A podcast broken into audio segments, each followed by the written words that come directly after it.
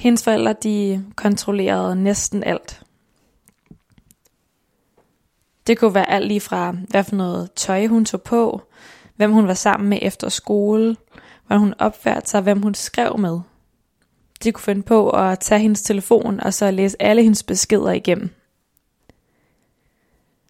Til sidst så blev det for meget, og hun flyttede på krisecenter. I dag der er spejlet lidt anderledes. Vi kommer ikke til at kende navnet på personen foran spejlet, fordi hun har valgt at være anonym.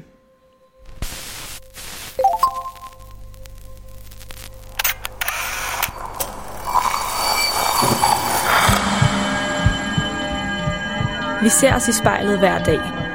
Som regel er det i forbifarten. Vi scanner lige kort, om vi ser ud, som vi skal, inden vi fortsætter vores dag.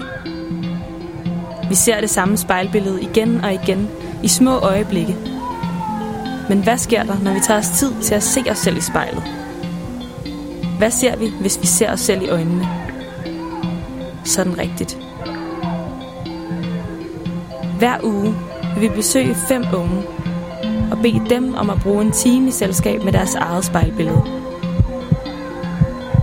Jeg hedder Liva Mangesi, og du lytter til spejlet.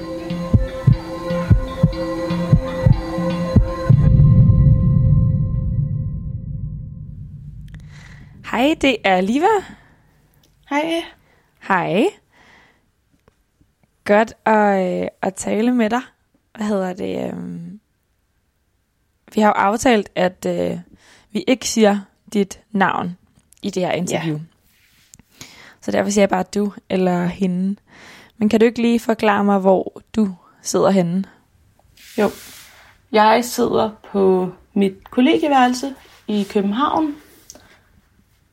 Øhm, ja, og der sidder jeg lige en dag nu, inden jeg skal videre.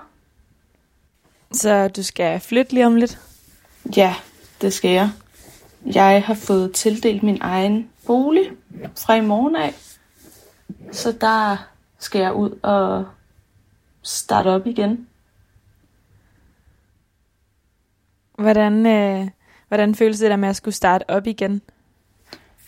Jeg synes, det er en rigtig spændende følelse, og det er generelt bare, altså det er et nyt område, jeg skal ind i, og det glæder jeg mig enormt meget til.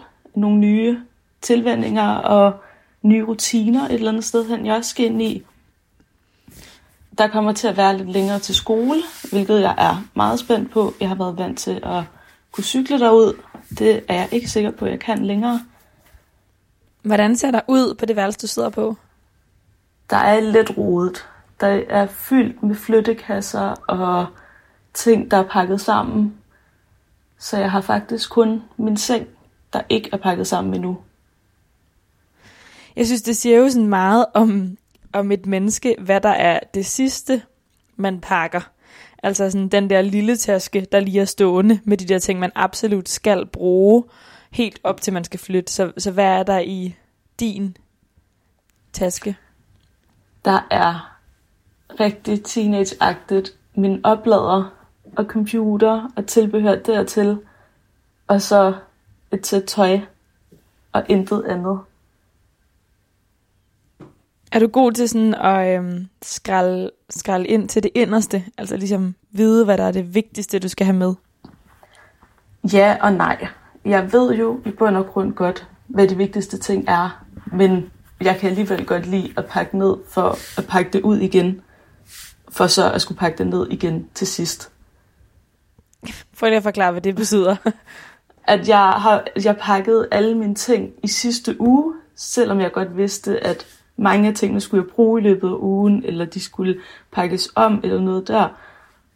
Men jeg nyder at pakke ud, for så at skulle pakke det ned igen. Ligesom lige se alle mine ting en gang til. Hvad, hvad handler det om, tror du? Jeg tror, det er altså noget med organisering og kontrollen over at vide, at de her ting ligger i den her kasse, så det skal jeg måske også lige have bekræftet en gang, så jeg ved, at jeg kan huske, hvordan det hele er pakket ned. Har du meget sådan tingene? Ja, jeg kan ikke lide at være ude af kontrol. Jeg synes, det er en meget underlig følelse. Ikke selv at kunne, ikke selv at vide, hvordan alt ser ud, og hvilke ting, der kommer til at ske. Hvad har været det bedste, der er sket i din tid på det her værelse? Jeg tror, det er det fællesskab, som har været opbygget med de andre, der har boet her. Og den selvstændighed, der er kommet til. Og så har man lært sig selv og mange andre personer at kende i form af, at man gør ting meget forskelligt. Der er nogen, der nyder, at der er rent, og så er der andre, der godt kan lade opvasken stå i tre dage. hvilken, hvilken kategori, altså jeg tror måske, jeg har et gæt, men hvilken kategori hører du til? Jeg kan godt lide, at der er rent og ryddeligt altid. Så det er meget underligt for mig, at der ser lidt rodet ud, selvom jeg har prøvet at organisere alle kasserne så godt som overhovedet muligt. Are you drunk enough? Det er Sam Smith, der bare viser, at alle mennesker er fucking seje. You high enough to excuse that I'm ruined? Cause I'm ruined. Is it late enough for you to come and stay over? Cause we're free to love, so tease me. Ooh. Promises. I can't do golden rings, but I'll give you everything. Tonight. Magic is in the air. There ain't no science here, so come get your everything. Tonight. I made no promises. I can't do golden rings, but I'll give you everything. Tonight. Magic is in the air. There ain't no science here, so come get your everything.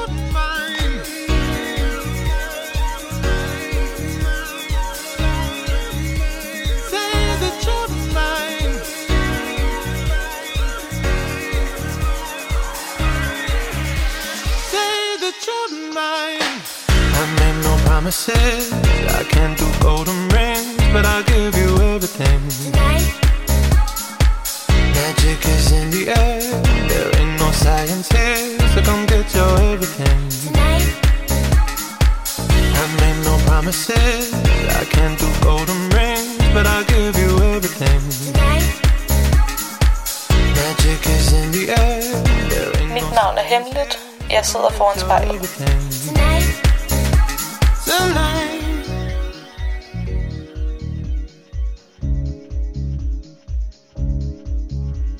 Lige om lidt, så øh, skal du jo i spejlet. Og du skal ja. se på dig selv i et godt stykke tid. Og vil du ikke mm. lige mhm. fortælle mig, hvordan du sådan har det i, i maven over, at du skal det? Jeg synes, det, det er lidt anderledes. Det er ikke noget, jeg føler, man er vant til. Det er, jeg kigger ikke mig selv i spejlet så ofte egentlig. Så det er meget nyt at skulle sidde og bare se på mig selv. Og på den måde komme ud med en masse ting. Hvordan har morgenen været sådan op til, at du skulle det her? Jeg var lidt nervøs. Måske lidt meget nervøs, øhm, fordi at man sidder, eller jeg sidder og skal tale ud fra, hvad jeg ser, og har ikke alverdens tid til at skulle reflektere over alle tingene. Jeg har ikke spørgsmål og svar, inden jeg går i gang, og det har jeg haft det lidt underligt over. Men det er også en grøft, jeg så lige er kommet ud af. Så nu er du ved at være klar til at skulle i spejlet? Ja, det føler jeg. Godt. Lige om lidt, så skal du sidde og se på dig selv, og det skal du i ret lang tid. Ja. Så derfor så øh, kan du godt få lyst til at kigge væk, kigge ned, undgå dit eget blik, undgå at se på dig selv i spejlet. Jeg kunne godt ja. tænke mig, at vi aftalte, at uanset hvad der sker, så bliver du ved med at holde kontakten med dig selv i spejlet. Ja. Hvordan føles det lige at, at give det løfte? Så kan man lige pludselig ikke komme, eller ja, komme væk fra det, man skal til at gøre. Det er, der er ikke nogen flugtvej lige pludselig. Nej, det er der ikke. Men inden vi skal det, så må du gerne lige lukke øjnene. Ja. Og så lige tage tre gode, dybe vejrtrækninger, der når helt ned i maven. Ja.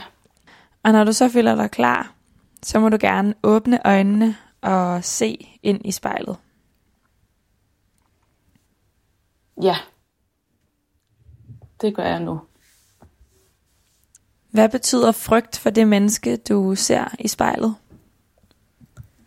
Frygt er egentlig en meget stor ting. Jeg prøver som oftest ikke at frygte noget, eller prøver ligesom at tage alt, som det kommer, og håber på, at jeg ikke går hen og får kolde fødder, eller på nogen måde skal til at bakke ud af tingene. Og hvordan har frygt formet det menneske, du sidder og kigger på i løbet af hendes liv?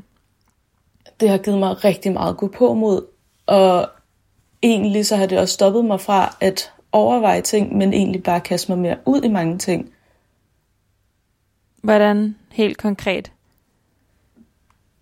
Jamen, for eksempel med at flytte ud, det var en meget stor øhm, oplevelse og meget stor ting at skulle gøre som 18-årig, uden nogen reelt støtte hjemmefra.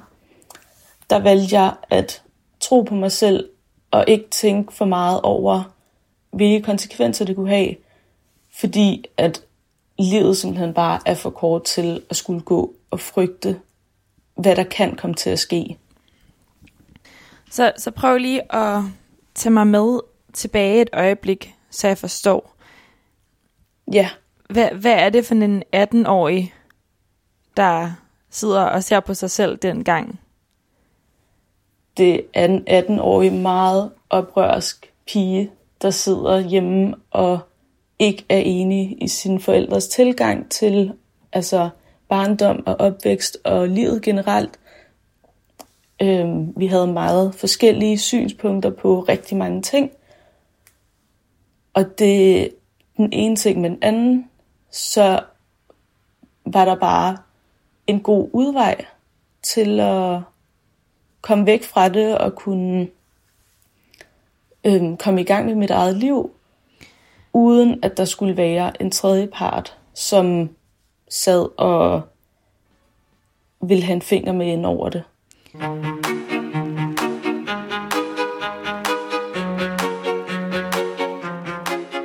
Den betyder meget for kvinderne i dag, og for det her power, som vi ligesom skal have.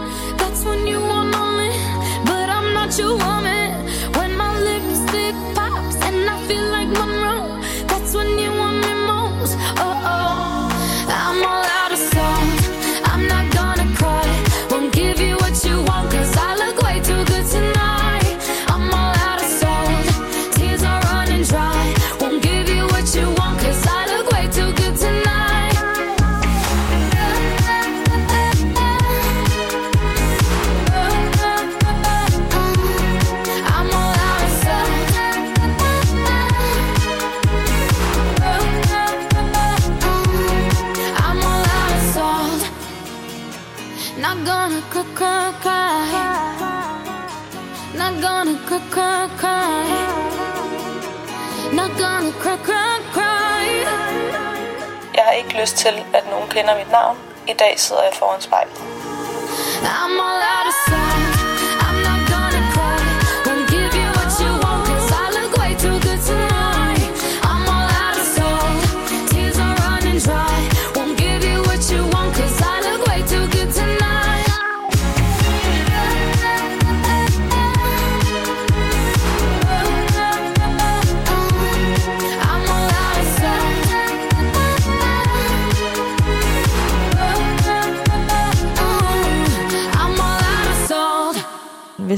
gå sådan helt konkret tilbage ind til det liv, du har haft med dine forældre.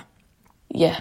Hvordan har det været? Det startede meget i en ret ung alder. Jeg var 12-13 år, øhm, da min mor fandt ud af, at min far havde været en utro. Og det satte gang i en hel masse problemer i hjemmet.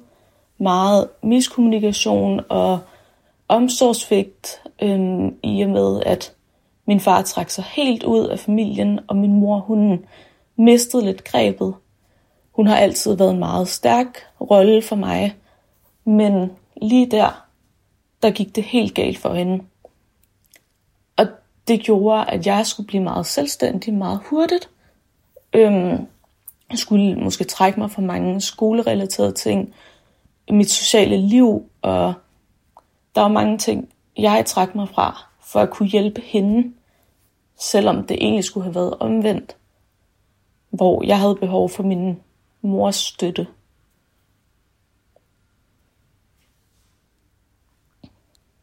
Hvordan føles det at sige de her ting i spejlet lige nu?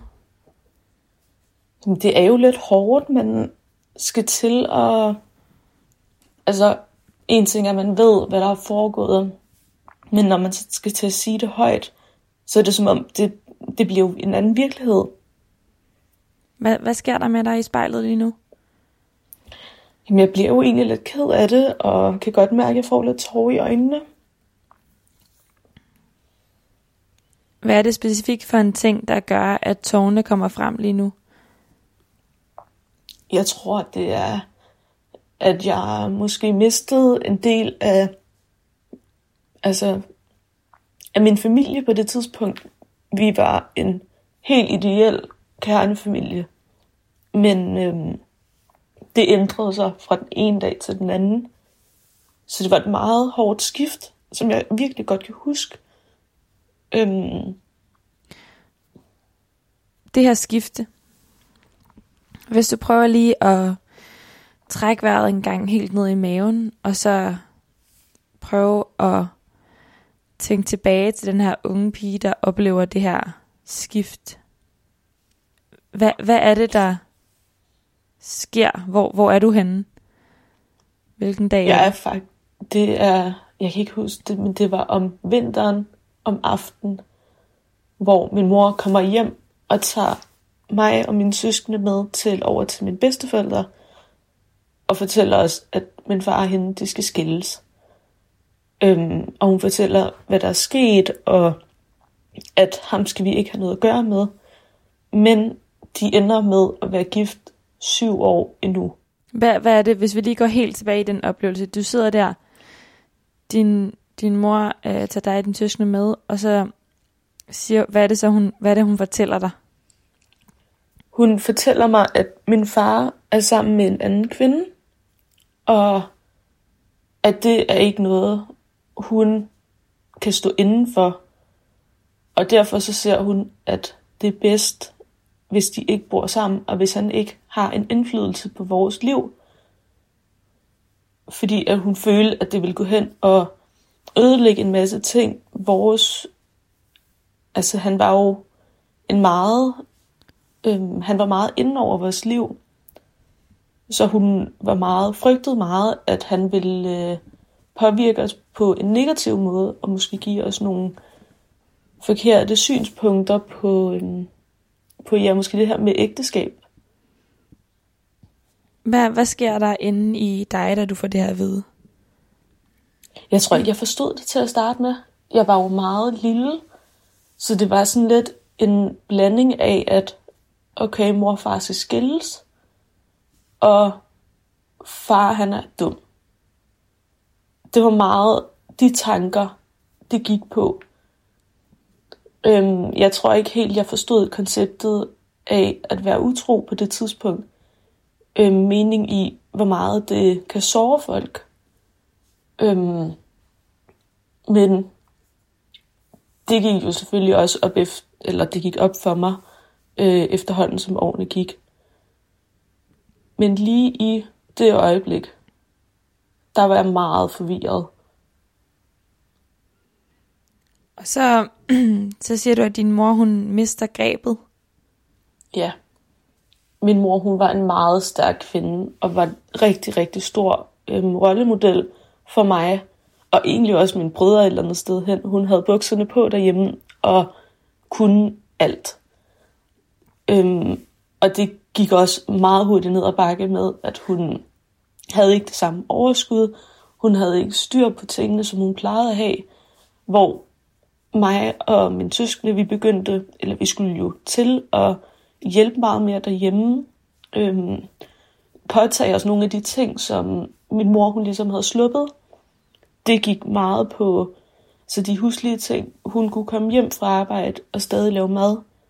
Men det var langt hen ad vejen også kun det.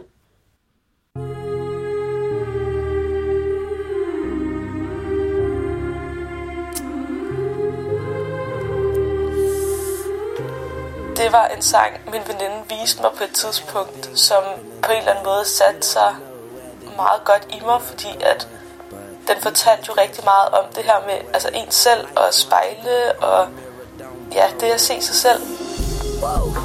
Look at me when I'm talking to you. You looking at me, but I'm looking through you. I see the blood in your eyes. I see the love in disguise. I see the pain pride. I see you're not satisfied. And I don't see nobody else. I see myself. I'm looking at the mirror on the wall. Here we are again. Yeah. Through my rise and fall.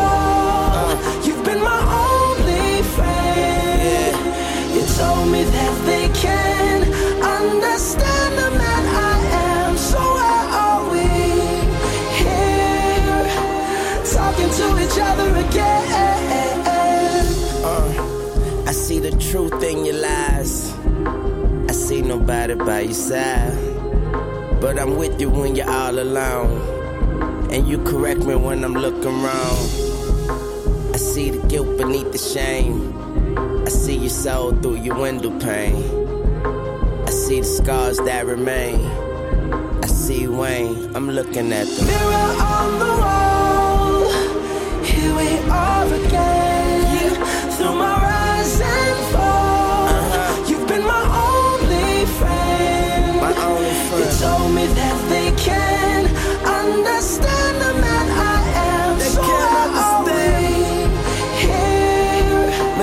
talking to each other again. Looking at me now, I can see my past. Damn, I look just like my fucking dad. Light it up, that smoke and mirrors. I even look good in the broken mirror. I see my mama smile, that's a blessing. The change, I see the message, and no message could have been any clearer. So I'm starting with the man and the mirror on the wall. MJ taught me that. Here we are again, through my rise and fall. Uh, You've been my only friend. Take them to Mars, man. You told me that they can understand the man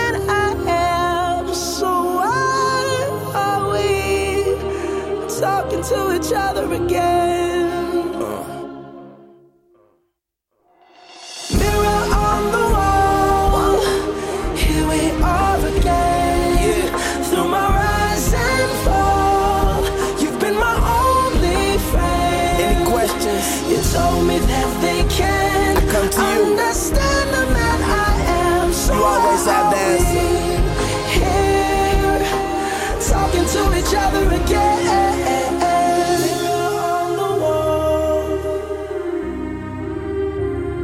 ABP. Looks like I did take him to Mars this time. Jeg sidder foran spejlet. Mit navn er hemmeligt. So why are we talking to each other again? Og hvad er det, det her gør ved den pige, du sidder og kigger på inde i spejlet? Jeg tror, det både har givet mig nogle gode ting, men også nogle dårlige ting med mig. Jeg er blevet, jeg blev meget hurtigt selvstændig og lidt mere voksen. Og det er jeg faktisk rigtig glad for. Fordi at det var lidt det, der gjorde, at jeg fik meget mere kontrol, og altså har formet mig til at være så organiseret, som jeg er i dag. Men det har også taget en del af min barndom fra mig. Øhm, jeg fik angst og blev også lidt deprimeret, øhm, da jeg gik i 9. Der kunne jeg virkelig mærke det. Og efter det, altså, der har jeg i form af kontrol været rigtig god til at kunne mærke på mig selv, lige så snart det altså, bliver for meget for mig. Men jeg har også samtidig haft svært ved at finde ud af, hvad jeg skal gøre ved de her ting. Mm.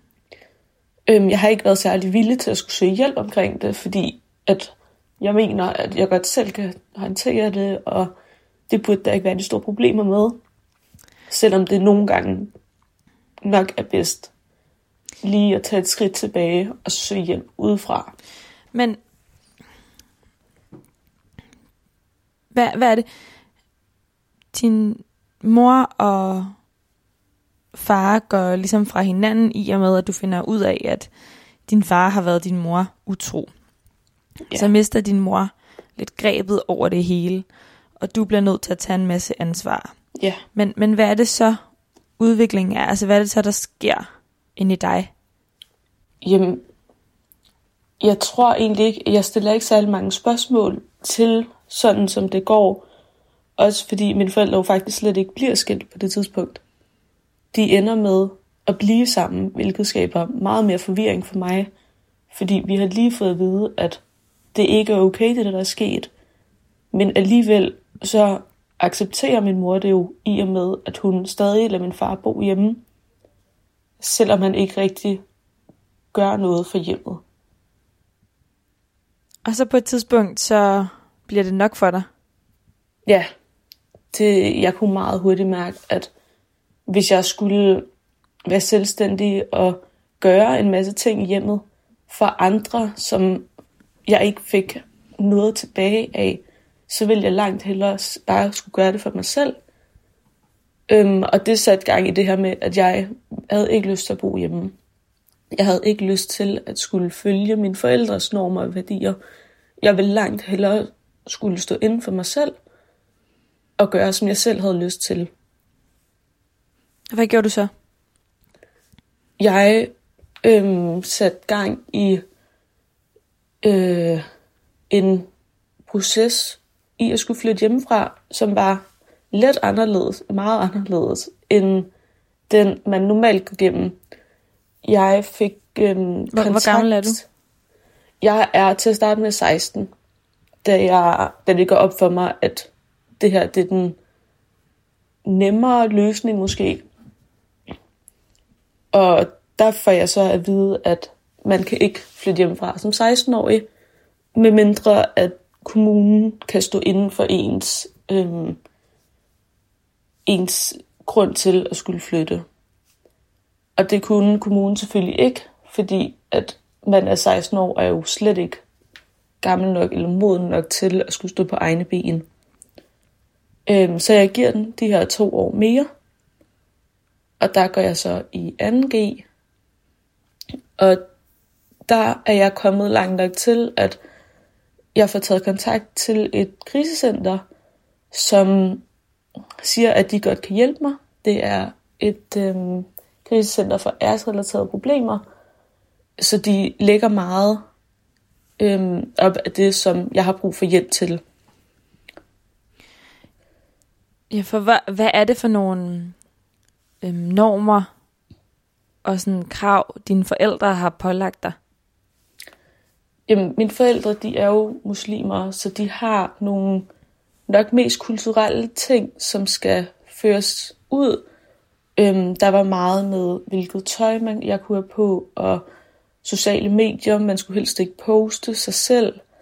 Øhm, og der var mange små ting, som egentlig gik ind og blev til stor social kontrol, i og med, at jeg kunne ikke rigtig gøre særlig mange ting, uden at mine forældre skulle vide det, eller vidste det på forhånd. Øhm, jeg blev rigtig god til at lyve over for dem, fordi at det var bare en nemmere måde at gøre det på. Jeg kunne stadig have en del af mig selv, hvis jeg lige kunne lyve lidt over for dem.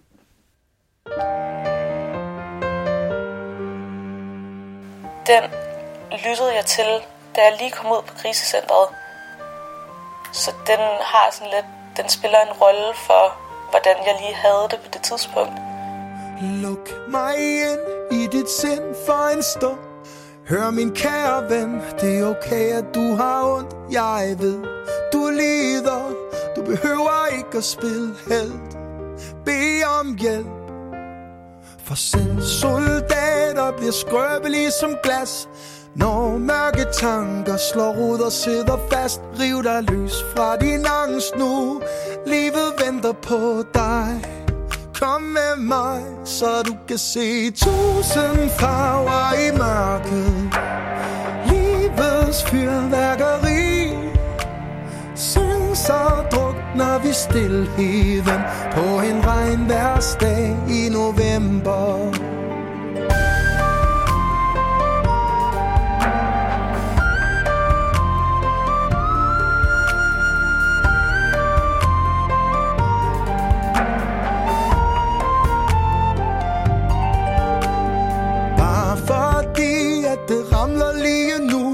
Betyder det jo ikke at du helt er gået i tu Jeg ved, dit fængsel Det virker sort som kul. Kom vi slår hul. Alt for længe har dette stået på. Tiden i din lejlighed er nærmest gået i stå. Åben dit vindue.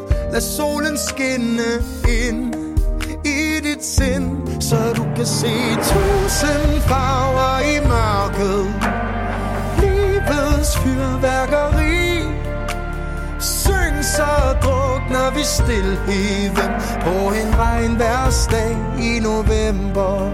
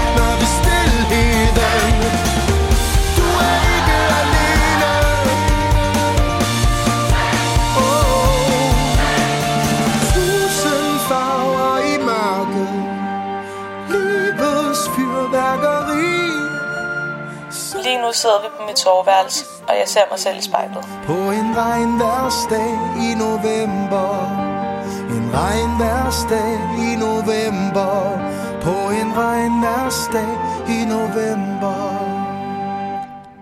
Hvad er det for en pige, du sidder overfor i spejlet, som, som 16-årig sætter gang i en proces med kommunen om selv at flytte ud, og som 18-årig selv tager kontakt til et krisecenter for at komme derhen? Det er en pige, som har fået behov for så meget kontrol over sig selv og sit liv, at det er svært at skulle bukke under for andres, øhm, andres tanker om en, og det som de gerne vil have, man skal til at gøre. Hvad tror du, det fortæller om hende inde i spejlet, at hun har kunnet de her ting? Hun har kunnet tage fat i kommunen og selv flytte fra sine forældre i så tidlig en alder. jeg synes, det gør hende rigtig stærk. Og det giver hende så meget at gå på mod, at hun er nået til et sted i sit liv nu, hvor hun egentlig kan alt det, hun altid gerne har ville. Og det er ligesom bare at være fri. Kun at skulle stå til ansvar for sig selv. Hvad, hvad betyder frihed for dig? Det er, at der ikke er nogen, der skal få lov at sige, at du skal være hjemme på det her tidspunkt, eller du skal gøre sådan her. Det er kun mig selv, der bestemmer det. For, for hvad, hvad er det for nogle følelser, du har haft indeni gennem din barndom? Vrede, tror jeg har været, det har fyldt rigtig meget. Hvad, det, er det for en vrede? En vrede over, at hvorfor er det fair, at jeg skal til at gøre en masse ting øhm, for min mor og for min far egentlig også, selvom de ikke er forældre over for mig. Vi blev lidt mere, altså, vi kom op på samme niveau, fordi de sang bare deres helt vildt meget. Mit, det blev så løftet. Øhm, så det synes jeg overhovedet ikke var fair at forlange af, en, af et barn. Har hun været nok barn, hende der sidder inde i spejlet? Det tror jeg ikke. Det, det tror jeg virkelig ikke. Øhm, jeg er måske blevet sådan lidt et barn igen nu, i form af, at altså jeg, den der kontrollerende ting, jeg har i mig, den gør også, at jeg har brug for, jeg er meget konkurrencemindet, så jeg bliver faktisk lille pige sur, hvis jeg taber i noget. Så det tror jeg er en af de lidt mere negative ting, jeg har fået med. At, ja. Nu siger vi lige, at øh, du har tabt i et eller andet. Mm. Og så begynder den her lille pige vrede at komme op i dig. Så Ja. prøv at gå ind i den følelse foran spejlet og vis og fortæl mig, hvordan den ser ud. Det er, det kan være i et spil Ludo, hvor jeg taber, og, eller at der er en af mine øhm, prikker, der bliver sendt hjem, og jeg bliver så inderligt irriteret og sur over det, at jeg faktisk bare ødelægger spillet for alle, og slår pladen op. Hvor sidder Fordi- den følelse af vrede henne inde i spejlet? Hvor starter den? Jeg, altså, den, det er øh, helt ude i fingerspidserne nogle gange, at jeg, jeg kan slet ikke være i, at jeg ikke vinder. Eller at det ikke går mig den vej, jeg gerne vil have, det skal. Det, der sker i spil, når den her vrede kommer op. Hvad, hvad er det, du egentlig er vred over?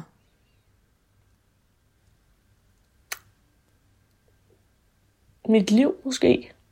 Eller starten på mit liv. Øhm, ja, at jeg føler, jeg har haft en lidt hårdere start. Måske haft lidt mere øhm, bum på vejen, end mange andre har haft. Og det synes jeg jo egentlig er lidt uretfærdigt. Hvad kan du bruge den uretfærdighed til? jeg burde jo egentlig kunne vende den til noget godt og sige, at jeg er kommet gennem alle de her ting. Og det må jo betyde, at jeg er bare måske lidt stærkere, rent mentalt end mange andre. Og altså, ja,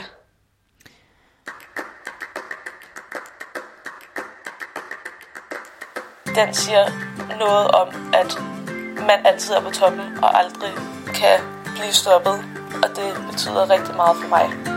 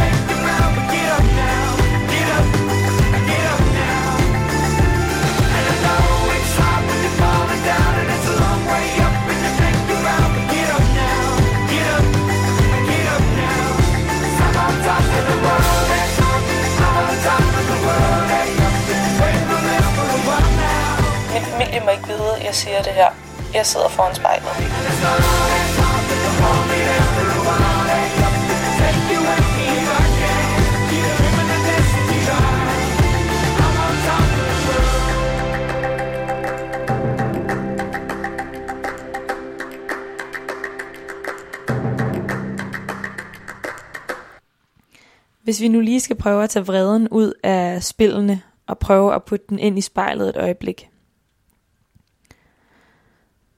Hvis du prøver at forestille dig dit liv indtil nu, din barndom, Ja. hvad vil du gerne sige det? Hvad vil du gerne sige til det? Hvad vil du gerne fortælle det ind i spejlet? Du må gerne give det en møgtur.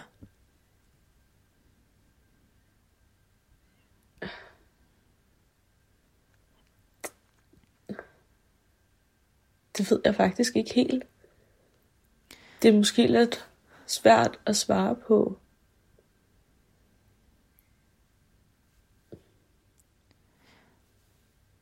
Hvis du forestiller dig den der følelse af, at man bare sådan mærker det der råb i hele kroppen, sådan, Aah! og man bare har lyst til at udbryde en eller anden ting til sig selv, bare for at få den Ja. ud. Noget til dit gamle liv. Hvad skal det så være? Jeg tror bare, det skal være et stort pis og papir. Sig det til dig selv. Sig det igen med den, med den energi. Så vil jeg hellere sige, at det er bare en stor omgang lort. Det er bare en stor omgang lort. Ja. Kæmpe omgang pis og overhovedet ikke fair. Det er overhovedet ikke fair. Nej.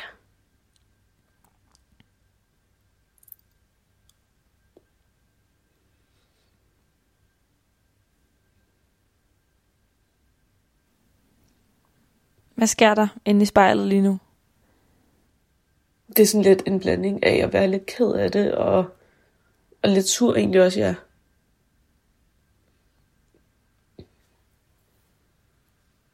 Hvordan ser du ud i spejlet lige nu? Jeg er sådan lidt våd under øjnene og har føler, at jeg har fået nogle render under øjnene nu også. Hvordan er dit blik? Det er egentlig meget almindeligt, føler jeg. Der er ikke... øh, Jeg synes ikke, der ligger nogen følelser i det. Så du siger, at, at du er sådan lidt ked af det og lidt vred, men alligevel kan du ikke rigtig se nogen følelser inde i spejlet. Nej, ikke, ikke når jeg kigger. I mine øjne, der er det meget...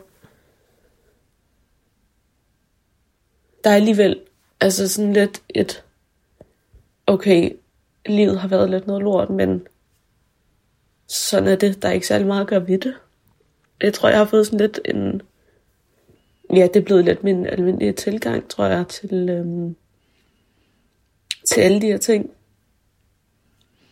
At det er blevet almindeligt altid at være lidt vred og lidt ked af det. Ja, egentlig. Fordi det følelser, jeg ikke rigtig kan gå rundt og ændre på. Så det er bare en del af hverdagen. Eller hvis man lige støder ind på, at man mangler et eller andet. Eller så er det sådan lidt, okay, der er jo egentlig ikke noget at gøre ved det. sket er sket, og jeg står heldigvis ikke samme sted, som jeg gjorde på det tidspunkt. Prøv at beskrive den pige, du sidder overfor i spejlet, sådan fra top til tå. Hvordan ser hun ud?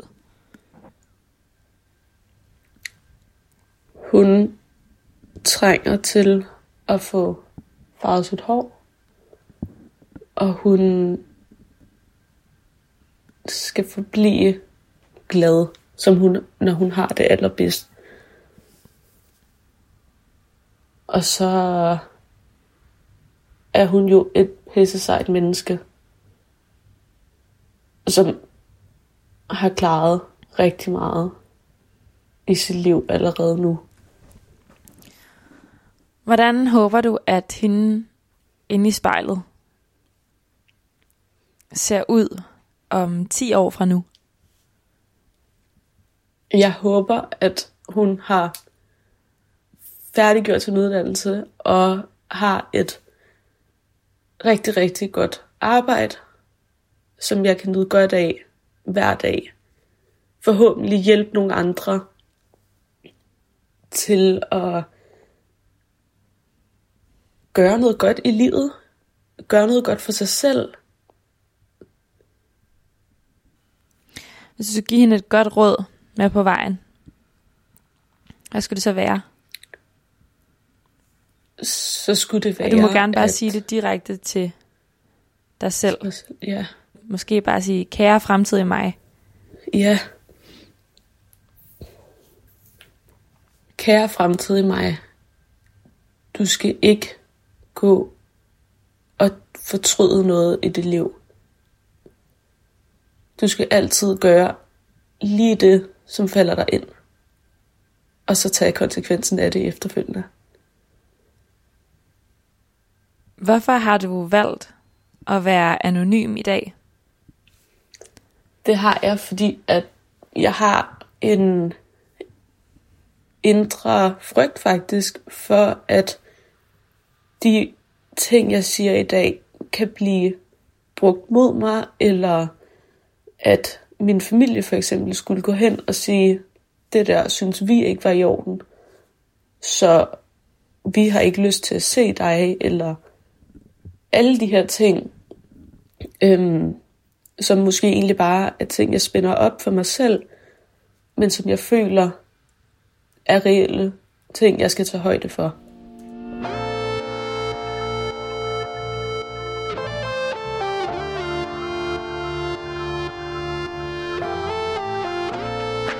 Det var min studentersang, og en se mig, jeg har fandme klaret det, på trods af alle ting. All my life been hustling is my appraisal.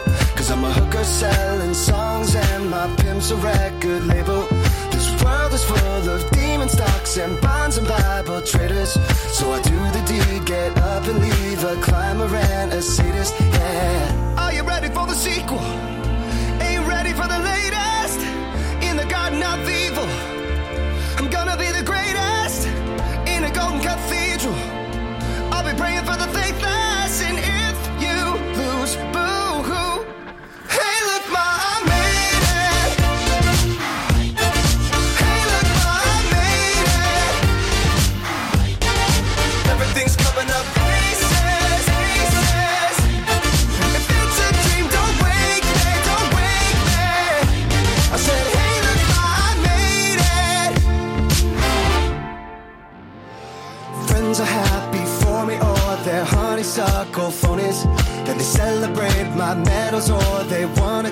my trophies. Some are loyal soldiers, while these other thorns are rosy. And if you never know who you can trust, then trust me, you'll be lonely. Oh, are you ready for the sequel?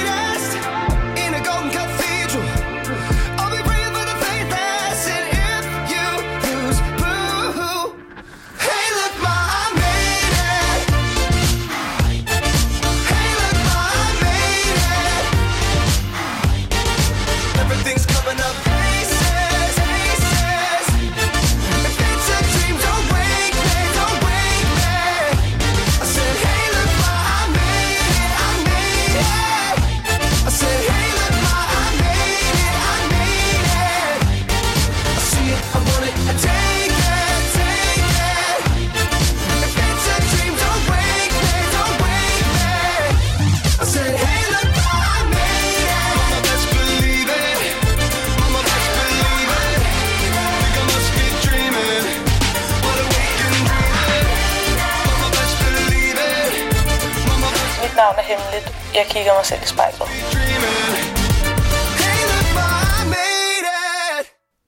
Hvordan har det været at sidde og se på dig selv i spejlet i dag?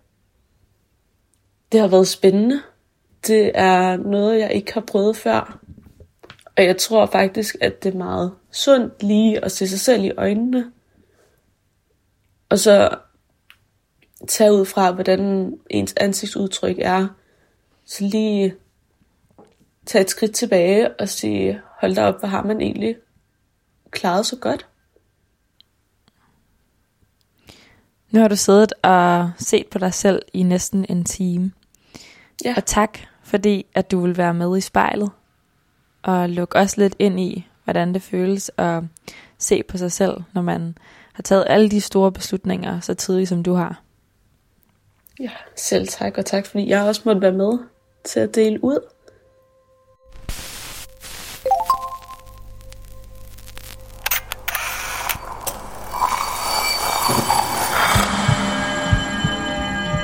Du har lyttet til spejlet. Produceret af Kontrafej, klippet af Mathias Sørensen og tilrettelagt af mig, Liva Mangesi. Vores redaktør hedder Kim Pil Vester. Musikken blev valgt af personen foran spejlet, og du finder spejlets playliste på din streamingtjeneste.